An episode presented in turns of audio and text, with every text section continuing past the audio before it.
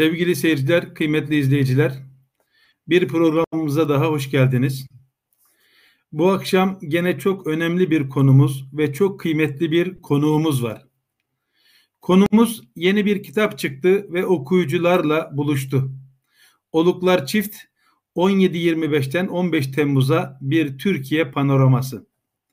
Bir okuyucu olarak kitap hakkında bir iki cümle ile de olsa bahsetmem gerekirse, çift oluk, oluk uslubu kapaktan başlamış. Özellikle kapağın bir tarafında biraz siyahımsı, karanlık işler yapanlar, bir tarafında da aydınlık bir resim ve aydınlık yolunda ilerleyenler. Yani e, kitabın kapağında başlamış e, çift oluk uslubu ve bütün sayfalarında sonuna kadar devam etmiş. Bu uslup bana çok orijinal geldi. Sürecin tarihi kronolojik olarak ilmek ilmek çok güzel anlatılmasına vesile olmuş bir kitap. Olaylara daha mahruti olarak bakılabiliyor.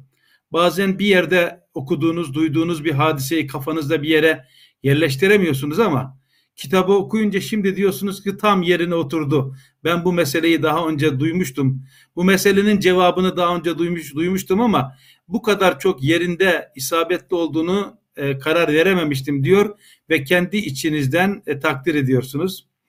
Hele hele ayet ve hadisler İslam tarihindeki, İslamiyet'teki bazı olaylar çarpıtılarak, siyak ve sibakından kopartılarak yapılan katliam çağrılarına çok güzel cevap verilmiş. Ee, bazen e, o katliam çağrılarını ilk defa duyduğumda ah keşke akıllı, mantıklı, kaynaklarımıza dayanarak birisi keşke şunlara cevap verebilse de biz de gönlümüze ışık tutabilsek, gönlümüzü ferahlatabilsek diye içimden çok yandığım, tutuştuğum anlar olmuştu. Bu yönüyle de harika, muhteşem bir kaynaklara dayanılarak hazırlanmış bir kitap olmuş. Konuğumuz ise e, kitabın yazarı Ahmet Kurucan hocamız. Ben e, sizler adına da kendim adına da kendilerine hoş geldiniz demek istiyorum. Hoş geldiniz hocam, şeref verdiniz. Estağfurullah, hoş bulduk, teşerrüf ettik. Sizlerle birlikte olmak benim için bir zevk. Estağfurullah, o zevk bize ait.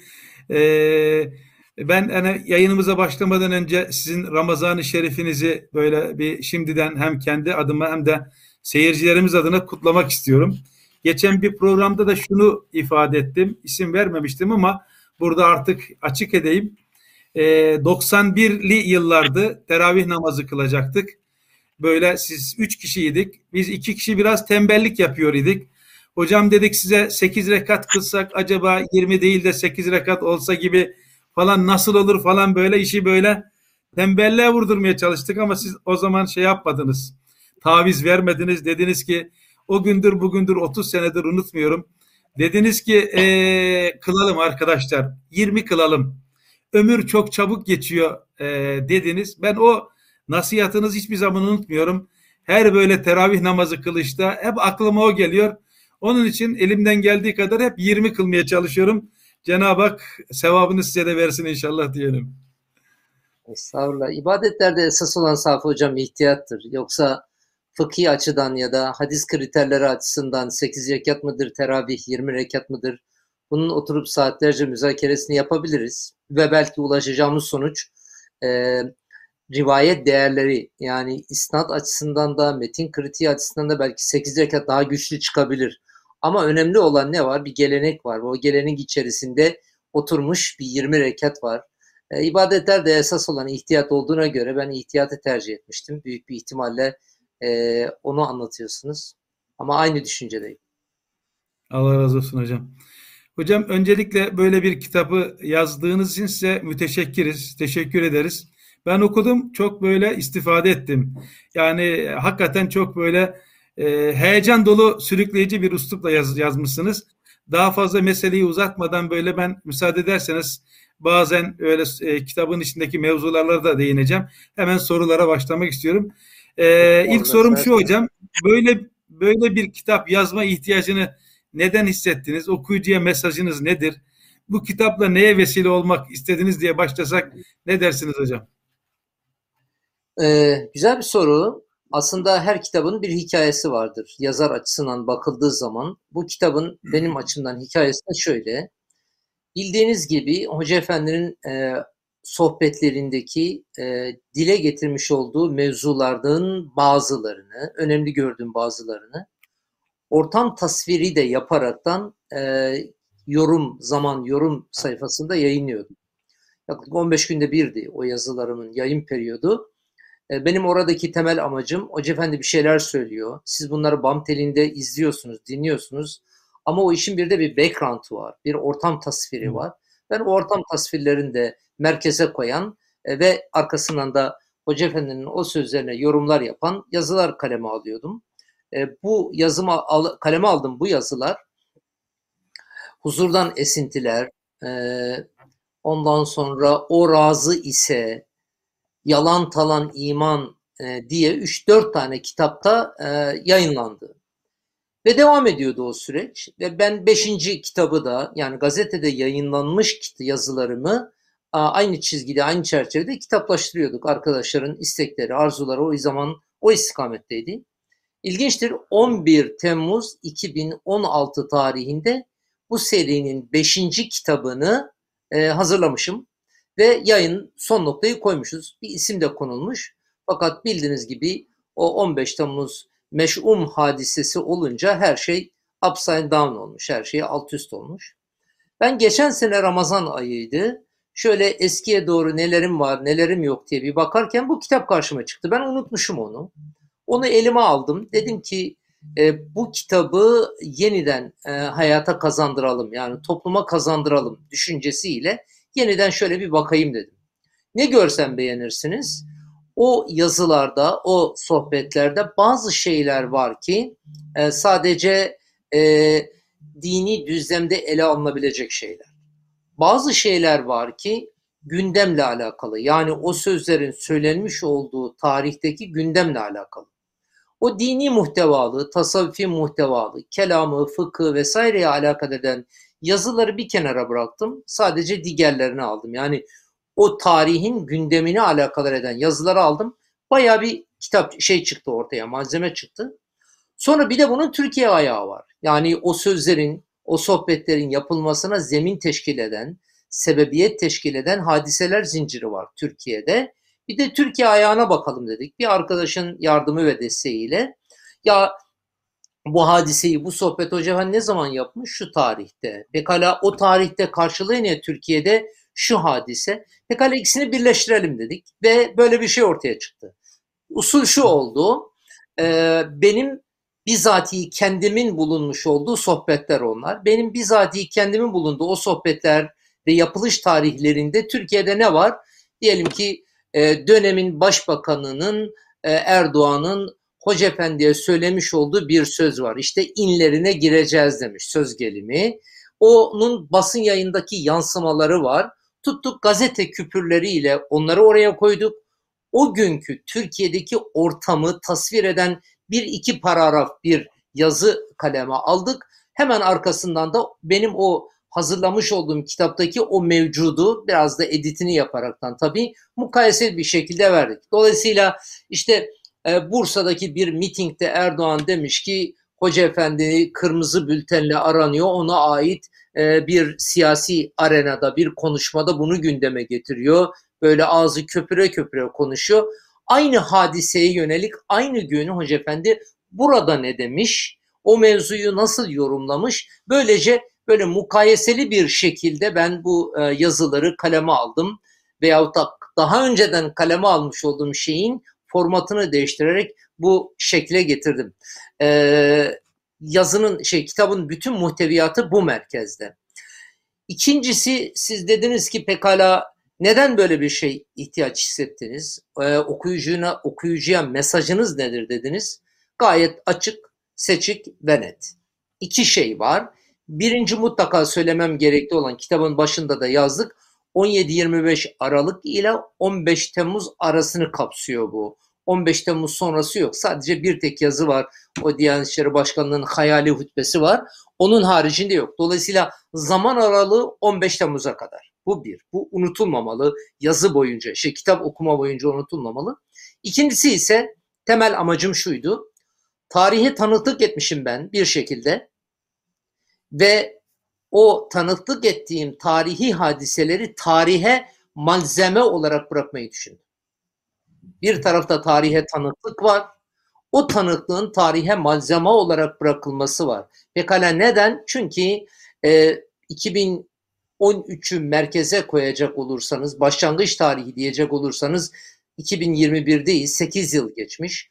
O yaşlarda çok küçük olan insanlar şimdi 16-17 yaşlarında söz gelimi delikanlı oldular. Ya neler yaşandı bilmiyorlar. Ya benim babam, benim annem neden bu zulümleri gördü bilmiyorlar. Geriye dönüp baktıklarında bugün yarın o günkü gazete manşetlerini, o gün söylenen sözleri, o gün o sözlere verilen cevapları bir bütün olarak görsünler, görebilsinler, mukayese etsinler, nihai kararları kendileri versinler diye o tarihe malzeme bırakma görevini ifa etmeye çalıştım. Evet. Zaten e, gerçekten uslup mukayeseli olması, karşılıklı olması çok bir farklı bir uslupla anlatılmış. O çok güzeldi. Belki kısmen e, cevap verdiniz ama ben gene de soru olarak biraz daha üzerinizde üzerinde durma, durmanızı istirham edeceğim. Kitabınızı görünce benim aklıma hemen o oluklar çift lafını e, başlığını görünce hani her şey akar, su, tarih, yıldız, insan ve fikir. Oluklar çift birinden nur akar, birinden kir şeyi geldi işte Sakarya'da o beyit geldi aklıma da neden bu ismini ismi koydunuz dersem e, ne dersiniz acaba? Bir kere e, şunu ifade edelim. E, kitabın isim kitaplara isim koymada yazarın e, nihai olarak görüşü mutlaka alınır. Ayrı bir olay da fakat yayın evinin de çok etkisi vardır. Yazarlar bilir bunu. E, şu ana kadar birçok kitap yayınlamış bir insan olarak ben hep böyle gördüm. E, neden? Çünkü yayın evi aynı zamanda satış stratejisi olarak bunu düşünür. Yani öyle bir cazibeli bir isim olmalı ki o cazibeli isim kitabı insanlara aldırsın. Çünkü bazı kitaplar vardır ki yazarından dolayı alınır. Kim olursa olsun, şey ne yazmış olursa olsun o yazarın ismini orada görürseniz alırsınız. Kitabın adı ne olursa olsun. Bazı kitaplarda vardır ki efendim kitabın ismi sizin cazibe unsurunuz olur. Oradan hareketle tutarsınız. Kitabı alırsınız ya bir okuyayım dersiniz. Ben Ahmet Kurucan olarak öyle ne yazarsam yazayım kamuoyunda karşılığı var, toplumda karşılığı var, ne yazarsam okunur öyle bir insan değilim. E, haklı olarak bizim yayın evi de e, bu kitabı yayınlayan yayın evi de muhteviyatına da vurgu yapması, bazı noktalar itibariyle isminin dikkat çekmesi için e, kendisi müdahil oluyor. E, bu da öyle oldu. Bir süreç içerisinde gelişti ve en sonunda bu isme karar kılındı. Yoksa birçok e, isim alternatifi vardı. Oluklar çift denilmesinin temel nedenlerinden bir tanesi bu. İki, e, kitabın muhteviyatı bunu yansıtıyordu. Siz girişte bunu çok net söylediniz. Ben de biraz önce ifade ettim. Mukayeseli bir şey olduğundan dolayı her iki tarafı adına hem işte kapak resminde o kendisini gösteriyor hem de yazılarda kendini gösteriyor. Bir de oluklar çift tabiri cuk diye oturdu oraya. Ondan dolayı büyük bir ihtimalle tercih edildi. Ama iki tane uyarıda bulunmak istiyorum ben burada. E, alabildiğine insaflı ve adil bir şekilde davranaraktan birincisi AKP ve cemaat diye veya şahsi düzlemde Erdoğan ve Hoca Efendi diye iki tane bir taraf yok burada. Bunu bilesiniz. Hmm. Yani evet. oluklar çift AKP alabildiğine kirli, cemaat alabildiğine temiz, Erdoğan alabildiğine kirli, Hoca Efendi alabildiğine temiz gibi bir çıkarımda bulunulmaması lazım. Belki burada söz konusu olan bu her iki şahsın temsilciliğini yapmış olduğu zihniyet var. Tekrar söylüyorum her iki şahsın temsilciliğini yapmış olduğu bir zihniyeti söz konusu ediyorum ve onu nazar itibarı alıyorum. Ama o zihniyetin etten, kemikten müteşekkil temsilcileri var. O temsilciler kimdir dediğiniz zaman da işte karşınıza Erdoğan çıkıyor. Öbür tarafta da Hoca Efendi çıkıyor. Ama bu iki zihniyetin kesişim kümesi de olduğunu unutmayın. Yani bu iki zihniyet canibinde yer alan insanların bir kesişim kümesi var. Söz gelimi bir Allah'a iman önemli bir kesişim kümesidir. Müslüman olma önemli bir kesişim kümesidir. Dolayısıyla bu kesişim kümelerini nazar itibara almaksızın bir tarafı alabildiğine girli, bir tarafı alabildiğine temiz şeklinde siyah beyaz ölçüsünde birbirine zıt iki taraf anlamamak ve algılamamak lazım. Bu bir yapacağım uyarı çok önemli. İkinci yapacağım uyarı ise genelleme yapmamalı. Çünkü genellemeler yaptı, yanlıştır. Bir taraf sütten çıkmış kaşık, ak kaşık, öbür tarafı pür küsur. Hayır böyle değil.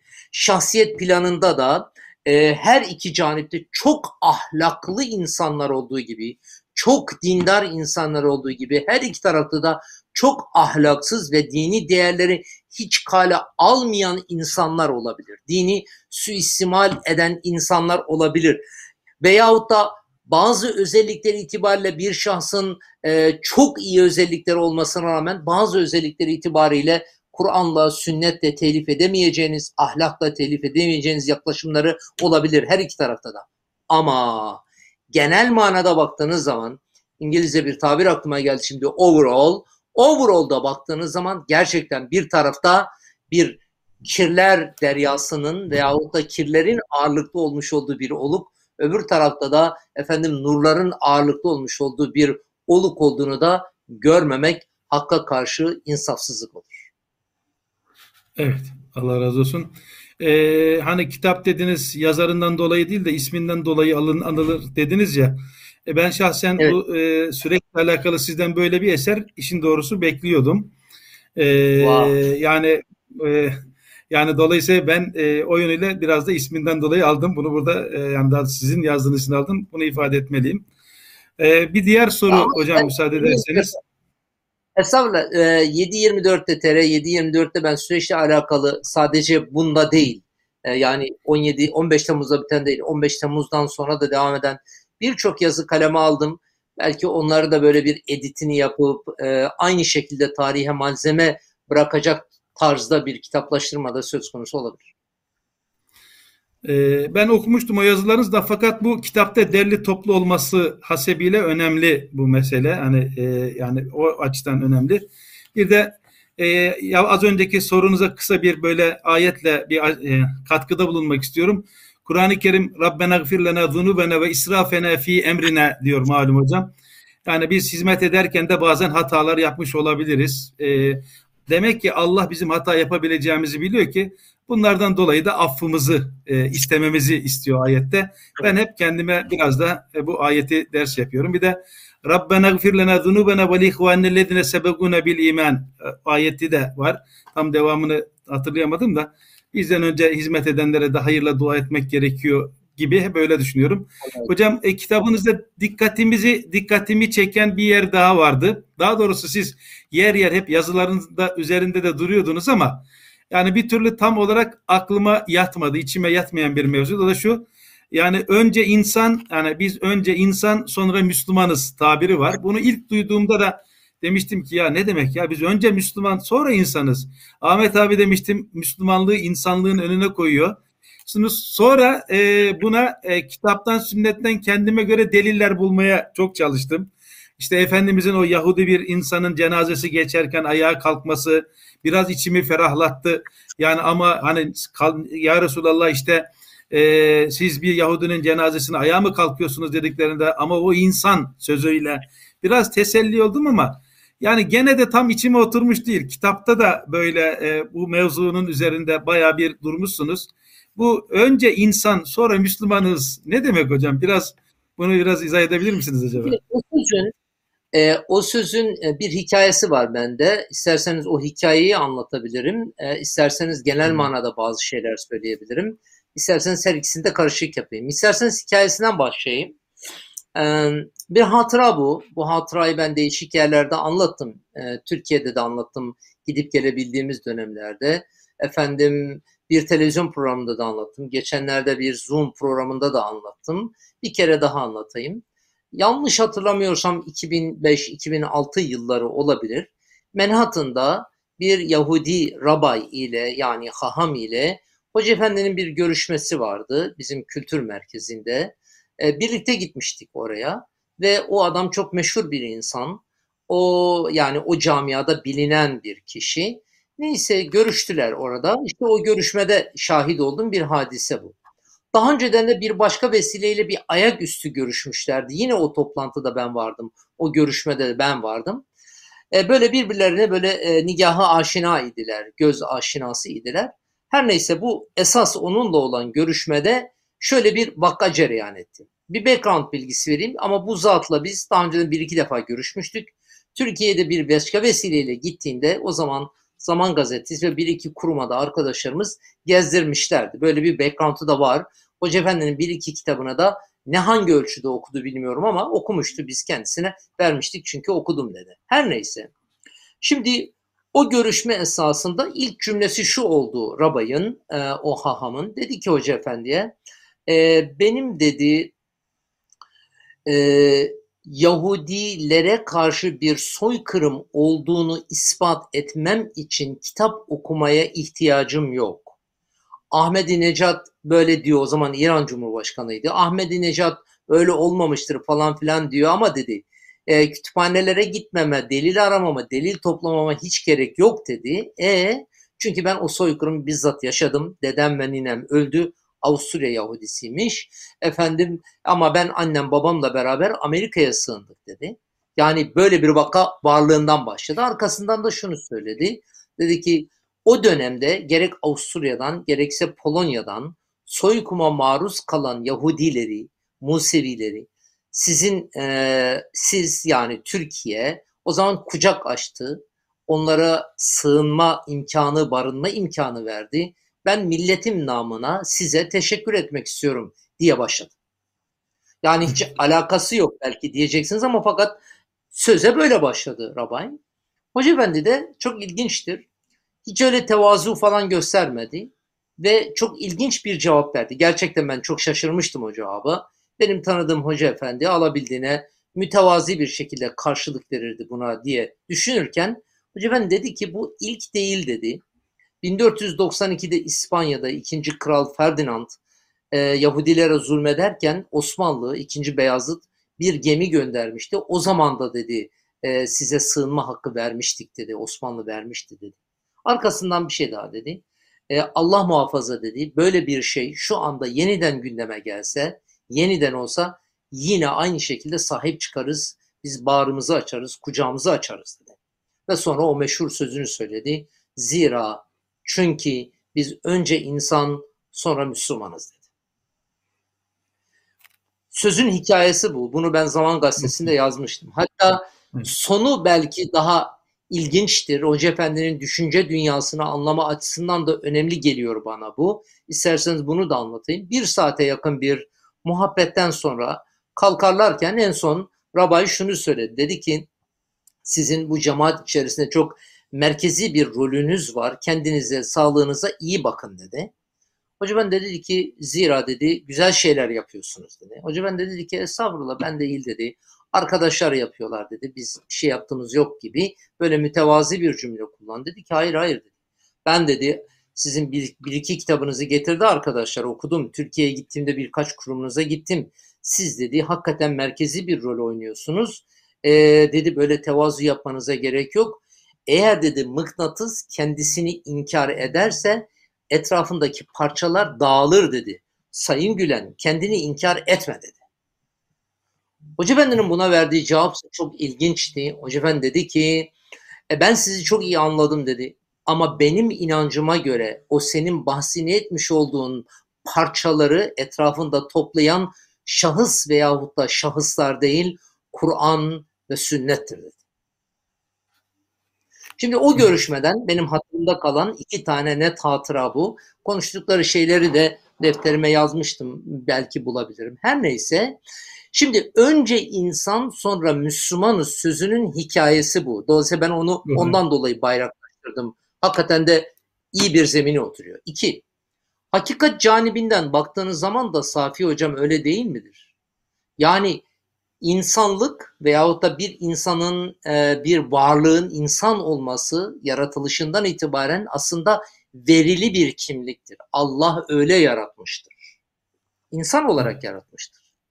Ama Müslümanlığa gelince Müslümanlık kazanılmış bir kimliktir. İnsan belki Müslüman bir ailede doğar, Müslüman olarak Müslüman identity'sin kimliğini benimser ama ilerleyen yıllarda Müslümanlık kimliğini değiştirebilir. Hristiyan bir ailede doğar, Hristiyanlığı değiştirir, Müslüman olabilir. Yani bakın bir değişiklik söz konusu. Yani bir tarafta verili bir kimlik var, yaratılıştan gelen bir kimlik var, öbür tarafta kazanılmış bir kimlik var. Aynı verili kimlik üzerinden gidecek olursanız mesela benim işte Türk bir anne babadan doğma bu verili bir kimliktir. Ben bunu tercih etmedim ki. Cenab-ı Hakk'ın takdiri inancıma göre. Dolayısıyla benim ırki kimliğim, anne babam, nerede doğup nerede e, ne, nerede doğacağım, hangi ailede meydana geleceğim bunların her biri verili şeylerdir. Ama mesleki kimliğe gelince o kazanılmış kimliktir. Böyle ayırırsanız verili kimlik ve kazanılmış kimlik olarak ayırırsanız ayırırsak şayet bir insanın insan olarak e, insan olması verili bir kimliktir.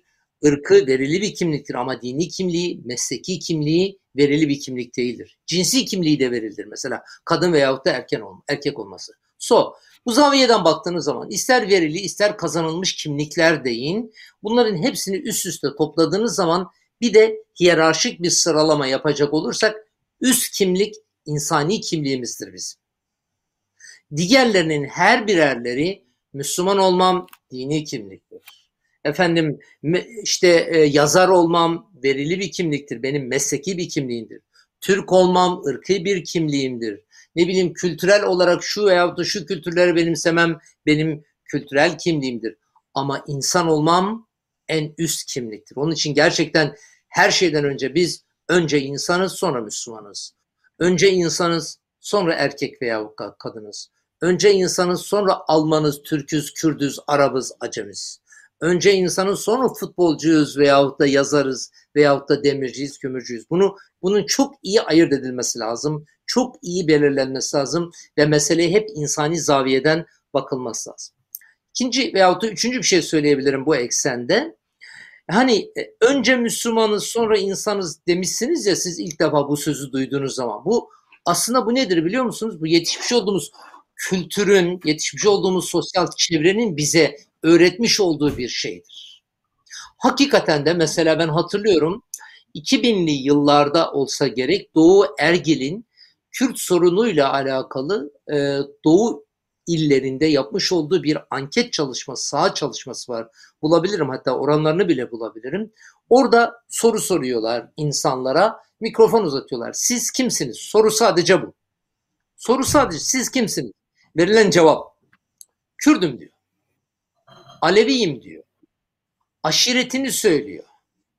Mezhebini Hanefiyim diyor. Şafiiyim diyor. E, veyahut da tarikatını söylüyor. Kadiriyim, Nakşiyim diyor. İnsanım diyen insan oranı yüzde on üçtü yanlış hatırımda kalmadıysa.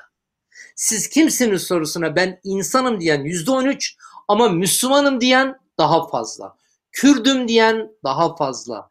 Mesleğini söyleyen daha fazla. Bu aslında neyi gösteriyor? Bir zihniyetin yansımasıdır. Onun için ben şahsen biz önce Müslümanız sonra insanız demeni hiç yadırgamıyorum. Biz öyle bir zeminde yetiştik. Fakat bu zemini veyahut da bu anlayışı, bu zihniyeti tersine döndürmek mecburiyetindeyiz. Belki bir de şunu söyleyebilirim. İnsani değerlerle İslam'ın ortaya koymuş olduğu değerler. Bakın durumsal hükümleri kastetmiyorum değerlerden bahsediyorum, ilkelerden bahsediyorum, prensiplerden bahsediyorum. İlkeler, prensipler ve değerler ekseninde baktığınız zaman insani olan her şeyin ama her şeyin İslami olduğunu da çok rahatlıkla görebilirsiniz. Dolayısıyla bana göre insan demek İslam demektir ya da insani demek İslami demektir. Bu demek değildir ki Müslüman olmayan kişiler insan demek değildir. Hayır o manada kastetmiyorum o, o yanlış, o dini tercih noktasında söylemiyorum. Sadece değerler ekseninden, değerler zaviyesinden, değerler perspektifinden baktığınız zaman bugün evrensel insan hakları dediğiniz her şeyin dinde bir yerinin ve dinde bir karşılığın olduğunu çok rahatlıkla görebilirsiniz. Din derken kastım tabii ki Kur'an ve Efendimiz Aleyhisselatü Vesselam'ın bağlayıcı beyanlarıdır. Bilmiyorum Eyvallah. bir ifade ettiğini. Yok çok güzel oldu ee, ama ben e, hani sizden ilk duyduğumda kendimi ikna etmeye çalışmadığına kendime göre bulduğum delillerden bir tanesi de dedim ya bunda tereddüt edecek bir şey yok. Yani İslamiyet, Müslümanlık önce insana gelmiş. Yani insan olmak lazım ki Müslüman olalım. Yani kendi kendime bulduğum çözümlerden bir tanesi. Yani önce insan olmak lazım ki kamil bir Müslüman olalım. Yoksa yani e, insani özellikler bizde oturmadıktan sonra e, böyle iyi bir Müslüman olma, olamayız zaten. E, bunu söyledim. Bir ikincisi de buyurun abi bir şey diyecektiniz herhalde. Sözümü bitireyim isterseniz. Evet. Bir ikincisi de Suat Yıldırım e, hocamızın Çağlayan dergisinde bir yazısı çıkmıştı. O yazıda böyle e, Müslümanlık e, isim değil sıfattır diyordu. Çok güzel bir yazıydı. Yani bize ait yani doğuştan kazandığımız bir özellik değil. Yani bir sıfat sonradan kazandığımız bize özellik. Eğer işin hakkını vermezsek o sıfat değişebilir. Yani isim değişmez ama hani dolayısıyla bir insan ben Müslümanım ne yaparsam yapayım bana zarar vermez mantığının yanlış olduğunu, Müslümanlığın bir sıfat olduğunu, yaşanmazsa o sıfatın da bizden gideceğini ifade etmişti. Böyle bir iki delille biraz daha böyle e, içime yerleşti e, diyebilirim. Buyurun hocam siz bir şey diyecektiniz herhalde. Her şeye dini açıdan delil arayacak olursanız, arayacaksanız şayet bu benim çok şey söyleyebilirim size. Mesela Allah insan ilişkisi itibariyle Kur'an'da insana bakış açısı. Ne bileyim Efendimiz Aleyhisselatü Vesselam'ın bir insan olarak insanlarla ilişkisi, bir de peygamberlik vasfına sahip bir insan olarak insanlarla ilişkisi o kadar çok şey söyleyebilirim ki. Mesela siyasi lider olarak Allah Resulü Sellem'in ortaya koymuş olduğu insani ilişkilerdeki metot veyahut da kaideler ve kurallar. Medine vesikası derim başlarım söz gelimi. Yani ister bir konfederasyonun e, eşitler arasında birinci lideri olarak görün, isterseniz Medine şehir site devletinin başkanı olarak görün, Efendimiz Aleyhisselatü Vesselam'ın siyasi bir lider olarak ortaya koymuş olduğu kurallar, yönetim sistemi, manzumesi insana insan olarak değer veriyor. Onun dini kimliğine bakmıyor. Müşrik oluşuna, Yahudi oluşuna, Hristiyan oluşuna ya da Zerdüş oluşuna bakmıyor. Onlarca şey sıralayabilirim. Efendim hukuki açıdan baktığınız zaman ister Allah Resulü'nün isterse kurucu imamlar döneminde bizim hukuk kitaplarına, fıkıh kitaplarına yansıyan şeylerde de bunu görebilirsiniz. Yani insana insan olarak değer verildiğini bir hukuk manzumesinde çok rahatla görebilirsiniz. Ama bütünüyle uygulanmış mıdır? Kur'an ve sünnette var ola gelen bu insani üst kimlik fıkha olduğu gibi yansımış mıdır? Yansıdığı kadarıyla hemen hemen her dönemde yani 14 asırdan beri 14 asırdan beri İslami değerleri önceleyen siyasi sistemler bunu uygulamış mıdır? Ve belki de hepsinden ama hepsinden çok daha önemlisi değişen ve gelişen şartlar içerisinde var ola gelen bu değerler e, sistemleşmiş midir? Kurumsallaşmış mıdır? Derseniz işte oralarda farklı düşünceler karşınıza çıkabilir. Mesela bir en son için en son söylediğim şeyle alakalı ben çok rahatlıkla şunu ifade edebilirim ki hayır kurumsallaşmamıştır, sistemleşmemiştir. Yani 1200 insan hakları dediğiniz zaman söz gelimi 1215'te Magna Carta'dan başlatalım. 1776 mı 79 mu Virginia İnsan Hakları Bildirgesini alalım. 1789 Fransa İnsan Hakları ve Yurttaşlık Belgesini ele alalım. Veyahut da 1948 Birleşmiş Milletler İnsan Hakları Bildirgesini ele alalım. Mesela böylesi bir formatta, tekrar söylüyorum, böylesi bir formatta yani bugünün güncel dünyasında kabullenilebilecek ve uygulanabilecek bir formatta var ola gelen o değerleri biz yapabil, yazabilmiş miyizdir? Onu kağıda kaleme dökebilmiş miyizdir? Sorusunu soruyorsunuz yapamamışız. Maalesef ve maalesef yapamamışız. İslam Konferansı Örgütü'nün yapmış olduğu bir çalışma var bu konuda. 1994 yılında bir araya geliyorlar bütün Arap ülkeleri ve Arap İnsan Hakları adı altında bir e, aynen Birleşmiş Milletler İnsan Hakları bildirgesine yakın şeyler ortaya koyuyorlar. Ama bir üye devletin muhalefetinden dolayı 2008 yılına kadar yürürlüğe bile giremiyor. Tekrarını çekiyorum bak. 1994'ten 2010 e, 2008 yılına kadar. Halbuki bizim 2008'de ancak yürürlüğe sokabildiğimiz yani Müslüman ülkelerin hem de Arap İnsan Hakları Bildirgesi diye yayınlayabildiği bu şeyi Batı dünyası 1948'de yayınlamış. Geriye gidelim 1789 Fransa'da yayınlanmış. 1776-79 burada yayınlanmış. 1215 İngiltere'de yayınlanmış. Ama hepsi bir kenara. Peygamber Efendimiz Aleyhisselatü Vesselam'ın imzalamış olduğu Medine vesikası onlardan asırlar önce var. Var ama dediğim gibi biz onu e, günün anlayış ve idrakine uygun bir biçimde e, kurumsallaştırma, manzumeleştirme konularında maalesef ve maalesef yayayız. Bugün 57 tane İslam ülkesine, o İslam ülkelerinin idari şekillerine baktığınız zaman da bunu çok rahatlıkla görebilirsiniz. Türkiye başta olmak üzere zaten bu kitabın yazılış gerekçesinden bir tanesi de bu. Allah razı olsun. Allah bizi insan eyleye diyelim hocam. Biz yine kitabımıza dönelim müsaade ederseniz. Ee, kitabınızda öne e, kitabınızda öne çıkarttığınız başlıklardan bir tanesi de e, ulu orta e, gelişi güzel sosyal medyada ayet paylaşılmasını, önünü arkasını düşünmeden ayet kullanılmasının mahsurlu olduğundan, ayrıca ayetlerin yanlış yorumlanmasından, bir silah gibi kullanılmasından bahsederek en kötüsü de dinin içinin boşaltılmasının tehlikesine dikkat çekiyorsunuz. Bu yanlış yorumlamaların e, bizi çok yanlış yerlere götüreceğinden bahsediyorsunuz. Hatta TR 724'teki bir yazınızda bu anlayışla, bu kafayla bunlar e, peygamberimiz bile olsa bu hakikatleri söylese hapse atarlardı diyorsunuz. E, bugün de atmış olduğunuz bir e, tweet'i gördüm e, işte Hazreti Ömer bile olsa değil işte Ömer Gergerlioğlu Hazreti Ömer bile olsa gene onu hapse atarlardı gibi bir ifadeniz vardı. Biraz bu mevzu üzerinde konuşmak ister misiniz hocam? Biraz acaba yaranız mı deşmiş oldum? Sizi böyle Yo, provoka mı etmiş oldum bilmiyorum. ya ya. Gayet güzel bir konu. Önce şunu ifade edeyim. Dinin içini boşaltma ve dindarlığın içini boşaltma iki tane ayrı kavramdır. E, bu kavramı ilk defa kullanan Ali Bulaş'tır. Allah selamet versin. Ali Bulaç e, işte darbe öncesi Zaman Gazetesi'ndeki yazılarında AKP'nin bazı politikalarını eleştirirken dindarlığın içini boşaltma tabirini kullandı ve örnekler veriyordu. Bunun iyi bir gidişi olamadığını söylüyordu. Ben de e, birkaç yazımda da ifade ettim. Ali ağabey size katılıyorum. Şey, e, sizi e, dini suistimal edilmesi noktasında katılıyorum. Ama bir şeye katılmıyorum. Bunlar dindarlığın değil, dinin içini boşaltıyorlar dedim.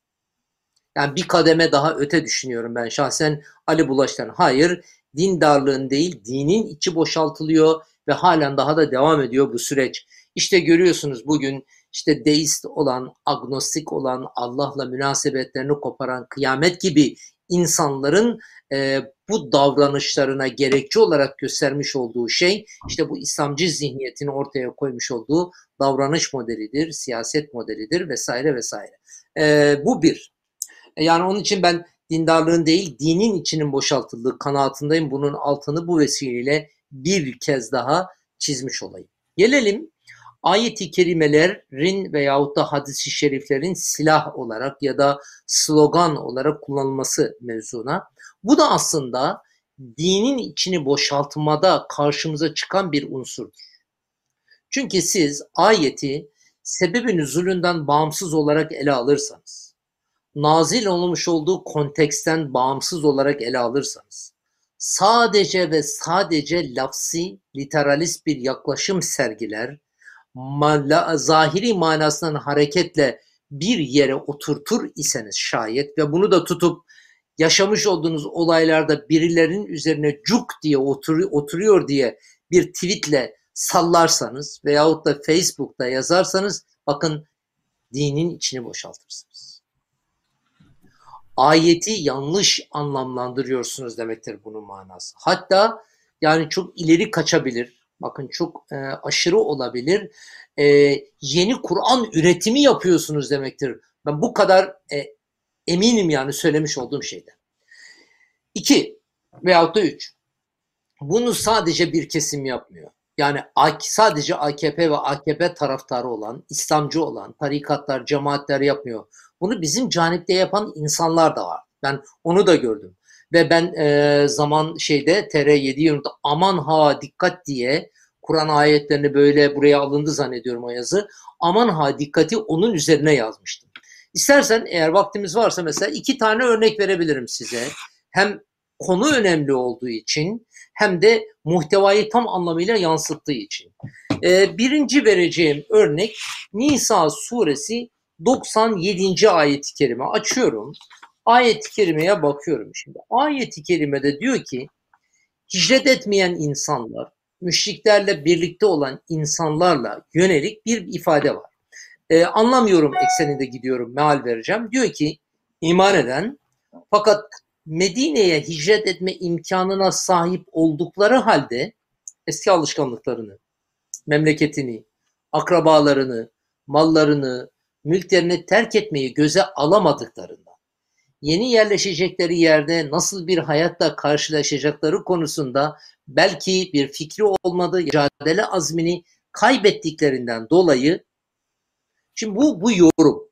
Ayet-i kerimede ne var? Ayet-i kerimede şu var. Diyor ki innellezine tevaffahumul melaiketu zalimi enfusihim nüfus, nefislerine zulmeden insanlar tam ölüm esnasında melekler onlara der ki galu fime kuntum siz neredeydiniz? Niçin buradaydınız? Ne yapıyorsunuz? Galu kunna mustatafine fil ard. Biz yeryüzünde mustataf idik. Zayıf, düçar idik. Hicret etmeye imkanımız yoktu demeye getiriyorlar. Evet diyor ki elem tekun ardullahi vesiaten yeryüzünde çok geniş değil mi? Niçin hicret etmediniz? Fetüheciri buha hicret etseydiniz ya فَاُولَٰئِكَ مَأْوَاهُمْ cehennem. Burası önemli. فَاُولَٰئِكَ مَأْوَاهُمْ cehennem. Onların varacağı yer, nihayet varacağı yer cehennemdir. Ve sehet masira ne kadar da kötü bir dönüştür bu. Şimdi bu ayeti kerimenin bir sebebi nüzulü var. Bu ayeti kerimenin bir hükmün vasatı var. Bu ayeti kerimenin bir gayesi, bir maksadı var. Bunlardan bağımsız diyor ki hicret etmesi gerektiği halde hicret etmeyen, ölüm esası melekler onlara der ki niçin hicret etmediniz? Yeryüzü geniş değil miydi? Sizin varacağınız yer cehennemdir. Bunu neyle irtibatlandırdı biliyor musunuz? İlk dönemlerde bizim arkadaşlarımız Hoca Efendi demiş ki bir zamanlar bir milyon insan Türkiye'den hicret etsin. İşte hicret etmeyen insanlar efendim böyle varacakları yer cehennemdir demeye kadar vardılar.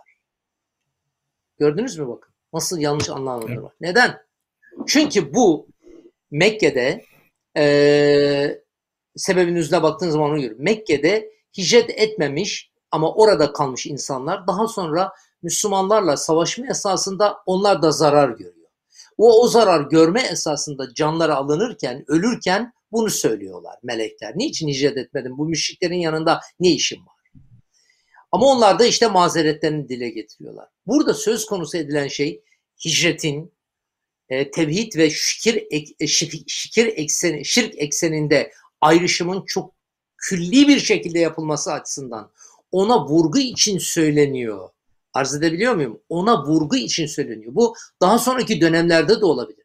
Gerçekten de hicret etmek, mevcudu terk etmek, yeni şartlara alışabilmek o kadar çok basit değildir. Ama burada bir vurgu yapılıyor ve bu vurgu teosentrik bir dil kullanılarak, tekrar söylüyorum teosentrik bir dil kullanılarak yani tanrı merkezli bir dil kullanılarak o insanlar teşvik edilmeye çalışıyor. Anlaşılması lazım gelen bu. Yoksa her hicret etmesi gereken insan hicret etmediği takdirde varacağı yer cehennemdir gibi bir külli hüküm çıkartamazsınız. Ama bazı sohbetlerde, bazı yerlerde bu konuşulmuş. İşte ensar muhacirine destek çıkmıyor ekseninde o tartışmaların olmuş olduğu zamanlarda. Ben bunu duydum. Bir abimize alo açtım. E, telefon açtım çünkü onun bir sohbette söylediği sözmüş. O da güzel ağzı söz yapan esnaf bir abimiz. Hakikaten Risale'lere vakıf insan ama Kur'an'ın ruhuna vakıf değil. Bu mevzu biraz uzmanlık işidir. Ve tuttum anlattım. Allah razı olsun anında kabullendi. Anında. Ve ben bu hatamı telafi edeceğim dedi. Ben de çok ürktüm ve korktum. Ondan dolayı o yazıyı yazdım. Amanın ha dikkat edin. Aksi takdirde ne olur? Hani ben her cuma günü bakara makara bir ayet sallıyorum diyen bir adam vardı ya hatırlarsınız. Ondan hiçbir farkımız kalmaz. Çok dikkatli olmak zorundayız. Yani ayetleri bağlamlarından kopartarak, kopartarak, siyak sibakından kopartarak sadece bizim e, içinde yaşadığımız mevzuya çok denk geliyor ve bir mesaj içeriyor diye konuşursanız şayet e, ve bunu da Allah diyor derseniz aslında Cenab-ı Hakk'ın maksadını o ayeti indirmekten maksadı çarpıtıyorsunuz demektir. Bakın bir başka tam da tersinden bir misal vereyim. Yine aynı çizgide misal vereceğim. Yani eleştiri okularını kendimize batırıyorum. Çuvaldızı kendimize batırıyorum. Diğer taraflar zaten yapıyor biliyorsunuz bunları. Her gün ayette, hadiste slogan olarak kullanarak ifade ediyorlar. Bir başka şeyi söyleyeceğim. Mesela Münafıkun suresi dördüncü ayeti kerime. Bu ayetlere baktığınız zaman ayet şöyle iniyor. Ee, benim Ustalık Oğulları gazvesinde belki uzatıyorum sözü ama veyahut da Müreysi gazvesi Yok, olarak da bilin. Vaktimiz, vaktimiz evet. var sıkıntı yok hocam buyurun lütfen. Müreysi gazvesinde benim Müstak Oğulları gazvesinde bir sudan dolayı iki sahabi kavga ediyor. Bunlardan bir tanesi Hazreti Ömer'in hizmetçisi bir diğeri ise e, Abdullah İbni Übey'in e, şeyi olan Übey İbni Selul'un e, anlaşmalı olduğu bir kavmin üyesi Cehine kabilesinden bir e, üyesi onun ismi e, Hazreti Ömer'in kölesinin ismi e, Cehcah, Cehcah bin Said, diğerinin ismi ise Sinan bin Yazid. Şimdi o birisi Evs'ten, birisi Hazreç'ten bunlar böyle şey birisi muhacirinden, birisi Ensar'dan kavga edince Übey ibn Selül devreye giriyor. Bu aradaki su kavgasında kavgasını köpürtmek adına hani derler ya e, köpeği besle gelsin senin gözünü oysun türünden ey diyor ensar grubu siz diyor bu muhacirleri getirdiniz buraya bak burada onlara sahip çıkıyorsunuz destek veriyorsunuz onlar da sizin sizin hakkınız olan şeyleri elinizden alıyor. Biz aziz insanlarız. Hele şu Medine'ye bir dönelim, şu sefer bir bilsin. Biz aziz insanlar olarak bu muhacirleri, zelil insanları Medine'den sürüp çıkartacağız diyor. Orada Zeyd bin Erkam da bunu duyuyor. Samimi bir Müslüman. Ve orada itirazını yapıyor. Anında itirazını yapıyor. Sonra gidip Efendimiz Aleyhisselam'a şikayet ediyor bu durum. Böyle bir olay yaşandı ya Resulallah. Bu bayağı büyük bir fitne unsuru olabilir diyor.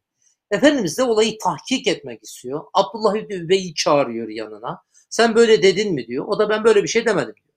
Ve söylemiş olduğu sözlerle Allah Resulü'nü ikna edecek noktaya geliyor. Belki Efendimiz ikna bile olabiliyor. İkna, ikna da oluyor. Ama Medine'ye intikal edildiğinde bu ayet-i kerimeler geliyor. Bakın şimdi bu ayet-i kerimenin sadece dördüncü ayet-i kerimeyi söyleyeceğim. وَاِذَا رَأَيْتَهُمْ تُعْجِبُكَ اَتْسَمُهُمْ Sen onları gördüğün zaman münafıkları anlatıyor. Cesetleri, bedenleri böyle alabildiğine cüsseli, boyu, posu, denk, e, çok hoşuna gider. Ve idâ ve in yagulu tesma' li kavlihim. Eğer konuşur sözünü sana dinletirler. Çok da güzel konuşurlar. Ke ennehum huşubun müsennede. Yani bu insanlar böyle dış görünüşleri itibariyle böyle olsalar bile halbuki e, bir elbise giydirilmiş kütük gibidir onlar. Dış görünüşleri itibariyle aynen senin dediği gibi. Konuştuğun zaman seni ikna edebilir ama özüne baktığınız zaman elbise giydirilmiş kütük gibidir. Ama bir de öyle de korkarlar ki kulle sayhed yahsabuna kulle sayhedin aleyhim herhangi bir yerde bir şey ortaya çıksa kendi aleyhlerine zannederler. Humul adu fahderhum onlar sizin düşmanlarınızdır. Amanın ha onlardan sakının. Devam ediyor ayet-i kerime. Şimdi öyle insanlar var ki şu anda piyasada yani Türkiye ortamını kastediyorum hakikaten görünüşleriyle, kıyafetleriyle, endamlarıyla heda insan diyebileceğiniz kişiler. Güzel giyinmişler falan. Konuştukları zaman şakır şakır dinliyorsunuz ve ikna neredeyse ikna oluyorsunuz ama özüne baktığınız zaman öyle değil. Şimdi buradan harekete tutuyor bizim bazı insanlarımız işte bu ayeti kelime cuk oturuyor diye zahiri anlamı, lafsi anlamı oturuyor diye onlar münafıktır diyebiliyor. O münafıktır diyebiliyor. Halbuki ben bilmiyorum ki onun için. Onun için ayet-i kerimeleri kullanırken sebebin üzüllerinden, sosyal, siyasal, kültürel arka planlarından, Cenab-ı Hakk'ın buradaki o toplumdaki gayesinden, maksadından, insanlara yönelik maslahatından bağımsız düşünemezsiniz. Sadece lafsi anlamı oturuyor diye tutup bunu bir slogan olarak kullanamazsınız. Hani Allah'ın indirme, indirdikleriyle hükmetmeyenler kafirlerin, zalimlerin, fasıkların ta kendisidir deniliyordu ya bir zamanlar. İslamcılar öyle söylüyordu ve evet. hakimlik mesleğini katiyen cevaz vermiyorlardı. Bak ne kadar yanlış. Bu türlü şeylerde o kadar yanlıştır. Ben öbür canipten baktığın zaman yani bize yönelik yapılan ithamlar ekseninde yaptı baktığım zaman bu insanların kullanmış olduğu ayetler, hadisler adına da misaller verebilirdim. Slogan olarak kullandıkları, silah olarak kullandıkları ben bunu tercih etmedim. Tam aksine kendimizi tercih ettim. Çuvaldızı kendimize batırma babında böyle bir uyarıda bulundum. E, bu kitaptaki birkaç tane yazımda da bunu açık, seçik, net bir şekilde ifade etmeye gayret ettim. Amanın ha dikkat. Allah adına konuşmaya yetkimiz yok. Allah razı olsun hocam. Ee, zaten hani büyüğümüz de hep uslubumuz namusumuz diyor. Yani e, usulde hata etmemek lazım. E, esasa ulaşsak bile usulde hata yapmanın yanlışlığına dikkat e, çekiyor hocamız. E, biz tabii ki önce kendimizi düşünmemiz gerekiyor. Kendimiz, herkes kendi hesabını Allah'a verecek. Mesele e, o ayrı bir mesele. Geçen Osman hocamla yapmış olduğumuz bir programda şöyle bir cümlesi olmuş. Çok hoşuma gitmişti. Kur'an-ı Kerim firavunları anlatır. Bir tanıyalım diye. Bir ikincisi de firavunlara ait bizde özellik varsa onları da atalım diye. Yani bizde varsa bu yanlışlık biz de atalım. Ama e, bir de şu var ki yani şunu da görmemek tabii olmayacak gibi böyle. İnşallah onun için de hani bu vesileyle ayrı bir program yapalım. Yani Hucurat suresinin bir ayetinden, dokuzuncu ayetinden katliam hükmü çıkartan insanlar da var. Yani bunlara da inşallah bir iki e, hani tamam bize söylüyorsunuz da biraz da bu tarafa da söyleyelim diyelim ben hocam yani. Neyse bu biraz şeydi hocam. E, bir programın şeyiydi, davetiyesiydi bu biraz. E, öyle söyleyeyim ben. Hani size yaptığım bir davetiyedi. İnşallah e, müsait olduğunuz vakitte kitabınızda ona da değiniyorsunuz. Gerçekten çok derli toplu, çok böyle mukni ifadeler var. Allah razı olsun. Yani e, onların da bilinmesini ben şahsen zamanı gelince e, arzu ederim. Müsaade ederseniz hocam e, son bir sorumuz daha var. E, inşallah onunla da inşallah e, devam etmiş olalım. Gene kitabınızda böyle e, sonlarına doğru hem Diyanet İşleri Başkanlığı'nın uluslararası bir konferansta hayalen konuşturmuşsunuz böyle. Gerçekten bir manifestoydu. Yani hakka, hakikate böyle çok güzel tercüman olmuşsunuz. Hem de 15 Temmuz'un 10. yıl münasebetiyle 2026 yılında gene o dönemin yani olacak kimse artık e, Diyanet İşleri Başkanı'nın okuyacağı hayali bir e, özür hutbesinden e, bahsediyorsunuz, yazmışsınız. Gerçekten çok öğretici, çok ben e, güzel buldum. Bu bir hayal mi? Yani böyle bir e, hutbenin e, olması, hani gelecek adına ümitli misiniz diyelim. E, hayal mi? Yoksa böyle olacağına dair ümitlerinizin dayandığı temeller nelerdir desek? Yani ne dersiniz hocam? Yani e, böyle genel prensiplerden bahsederek böyle hani ne demek istersin? Gerçeğin estağfurullah. Gerçeğin, hakikatin kötü bir huyu vardır. Bilir misin sen onu Saf Hocam? E, buyurun. E, sizden duyalım bir kere daha. Abi gerçeğin, hakikatin kötü huyu bir gün mutlaka ortaya çıkmasıdır. Dolayısıyla şu an itibariyle bazı şeyler perdelenerek, bazı şeyler bahane yapılarak, genelleme yapılarak yapılan zulümlerin perde arkasının ben bir gün mutlaka ortaya çıkacağına inanıyorum. Ama benim ömrüm içerisinde yani işte tabii ömür içerisinde bunu görür müyüm, görmez miyim o konuda net bir şey söyleyemeyeceğim. Niçin böyle diyorum? Ben siyaset tarihçisi değilim. Siyasi olaylara da çok e, yani bir siyaset bilimcisi ölçüsünde e, tahminlerde bulunamam. Ama gördüğüm şey şu. Bir Dersim faciası yaşanmış. Bu Dersim faciasını o topraklarda yaşayan insanlar devletin üzerini örtmesinden hareketle ancak ve ancak 50 yıl, 60 yıl, 70 yıl sonra duyabildiler. Yaşayanlar hariç, o gruba mensup olan Aleviler hariç diğerleri. Bir Kürt hadisesi var Türkiye'de halen devam ediyor. Evet biz o hadisenin 1984 Diyarbakır hapishanesindeki e, hadiselerden sonra e, fışkırması, bir örgütün, silahlı örgütün kurulmasına kadar biz bunları görmedik, duymadık, bilmiyorduk. Anlatabildim mi demek istediğimi? Yani bir devlet var, bir devlet aklı var ve o devlet aklı sizin hakkınızda bir karar vermiş ve vermiş olduğu karara bağlı olaraktan da bir soy kırıma uzanan, sosyal kırım diyorlar şu anda, soy kırıma uzanan noktaya kadar bazı şeyler yapıyor. Dolayısıyla bunların perde arkalarının bir gün mutlaka çıkacağından zerre kadar benim şüphem yok. Bu açıdan ümitliyim ama ben o günleri görür müyüm? Biz o günleri görür müyüz? Ben o konuda çok emin değilim. İki, diyelim ki gördük, diyelim ki gördük. Bu insanlara işlem yapılır mı? Dünyevi açıdan işlem yapılır mı? Yani hukuk önünde adil, tarafsız yargı önünde hesap verirler mi? Ben o konuda da emin değilim. Mesela 80 ihtilalinde, daha öncesi hadiselerde nice nice vatandaşına zulmetmiş devlet görevlileri 30 yıl, 40 yıl, 50 yıl sonra çıktı onların zulmettikleri ama hesap vermediler. Gene bir şekilde üzerleri kapandı. Veyahut da hesap vermeden tabii ömürlerini tamamladılar, öldüler, gittiler. Buralarda nasıl cereyan eder inanın herhangi bir yorumum yok ama hakikatların bütün çıplaklığıyla, bütün netliğiyle er veyahut da geç ortaya çıkacağı konusunda da zerre kadar şüphem yok. Pekala işte zaten benim bu şüphemin olmayışı bana Uhud Bey'i yazdırdı. Benim o şüphemin olmayışı bana o konferansta Diyanet İşleri Başkanı'na o sözleri söyletti. Aslında o Mehmet Görmez'in e, bir alimler konferansında vermiş olduğu bir konuşmaydı o. Ben onu reverse yapmaya çalıştım. Tam tersi bir çerçeve içerisinde. E, hutbeyi de aynı, aynı şekilde yapmaya çalıştım. Ben bir gün onların geleceğine inanıyorum. Ama ne zaman ve nasıl I have no idea. Ben de Berlin'de hakimlerin olduğuna inanıyorum hocam. Ya bu ümidi korumak lazım tabii ki.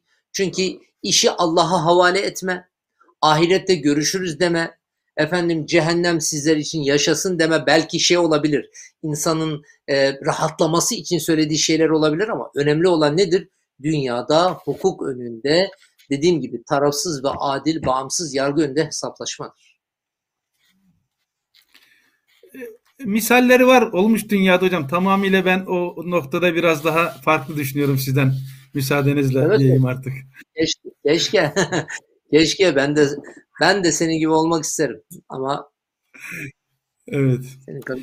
Hocam e, çok teşekkür ediyoruz. E, son bir e, sözlerinizi de almak istiyorum ama ondan önce Yayınımıza katıldığınız için e, seyircilerimiz ve kendi adıma çok teşekkür ederim. Bir bu. Bir de e, kitaptan gelecek geliri Time Tel vesilesiyle mağdurlara verilecek. Bunun için de mağdur ve mazlumlar adına size ayrıca teşekkür ediyorum. E, yayın evi de bundan dolayı herhangi bir şey almayacakmış arkadaşların ifadesi. Yani bu kitaptan gelen bütün gelir mağdurlara ve mazlumlara verilecekmiş. Bunun için de ayrıca size e, müteşekkiriz, teşekkür ederiz. Diyelim e, son sözlerinizi alalım desem, ondan bitirelim desem ne demek istersiniz yani hocam? Bir gecede bir gecede 500 bin, 600 bin insanın terörist ilan edilmiş olduğu hakikaten tuhaf zamanlardan geçiyoruz. Tekrar söylüyorum. Evet. Bir gecede 500-600 bin insanın terörist ilan edildiği tuhaf zamanlardan geçiyoruz. Yüzlerce, binlerce insanın %99'u itibariyle suçsuz olduğu, suçsuz olduğu bir e, tuhaf zamanları yaşıyoruz. Bu dönemde hem o insanlara sahip çıkmak, hem bu düşüncelere, bahsini ettiğimiz falan konuştuğumuz şeylere sahip çıkmak hem bir insani vazifedir, hem bir İslami vazifedir, hem de bir ahlaki ve vicdani vazifedir diye düşünüyorum. Allah razı olsun. Çok teşekkür ederiz hocam. Sizin çok sevdiğiniz bir dua ile programımızı bitirelim isterseniz. Allah'ım bizlere hakkı hak olarak göster ve ona uyanlardan eyle. Batılı batıl olarak göster ve ondan kaçanlardan eyle diyelim. Evet kıymetli seyirciler bir programımızın daha sonuna geldik. Bir sonrakinde buluşuncaya kadar hoşça kalın, sağlıcakla kalın, Allah'a emanet olun. Kitap Dünyası EU, gönül dünyamızdan kaynak eserleri hizmetinize sunuyor. Kur'an-ı Kerim meal ve tefsirleri, Üstad Bediüzzaman'ın asrın sorunlarına çözüm sunan külliyatı, muhterem Fethullah Gülen Hoca Efendi'nin çağımıza ışık tutan eserleri, çocukların ruh ve zihinlerini geliştirecek, okumayı sevdirecek kitaplar, gençlerin yanından ayıramayacağı klasikler, dergiler, biyografi, felsefe, psikoloji, kişisel gelişim, kültür sanat, sağlık, yemek, tarih kitapları ve hediyelik eşya. Hepsi ve daha fazlası bir tık yakınınızda. Kitap Dünyası EU, gönül dünyamızdan kaynak eserler.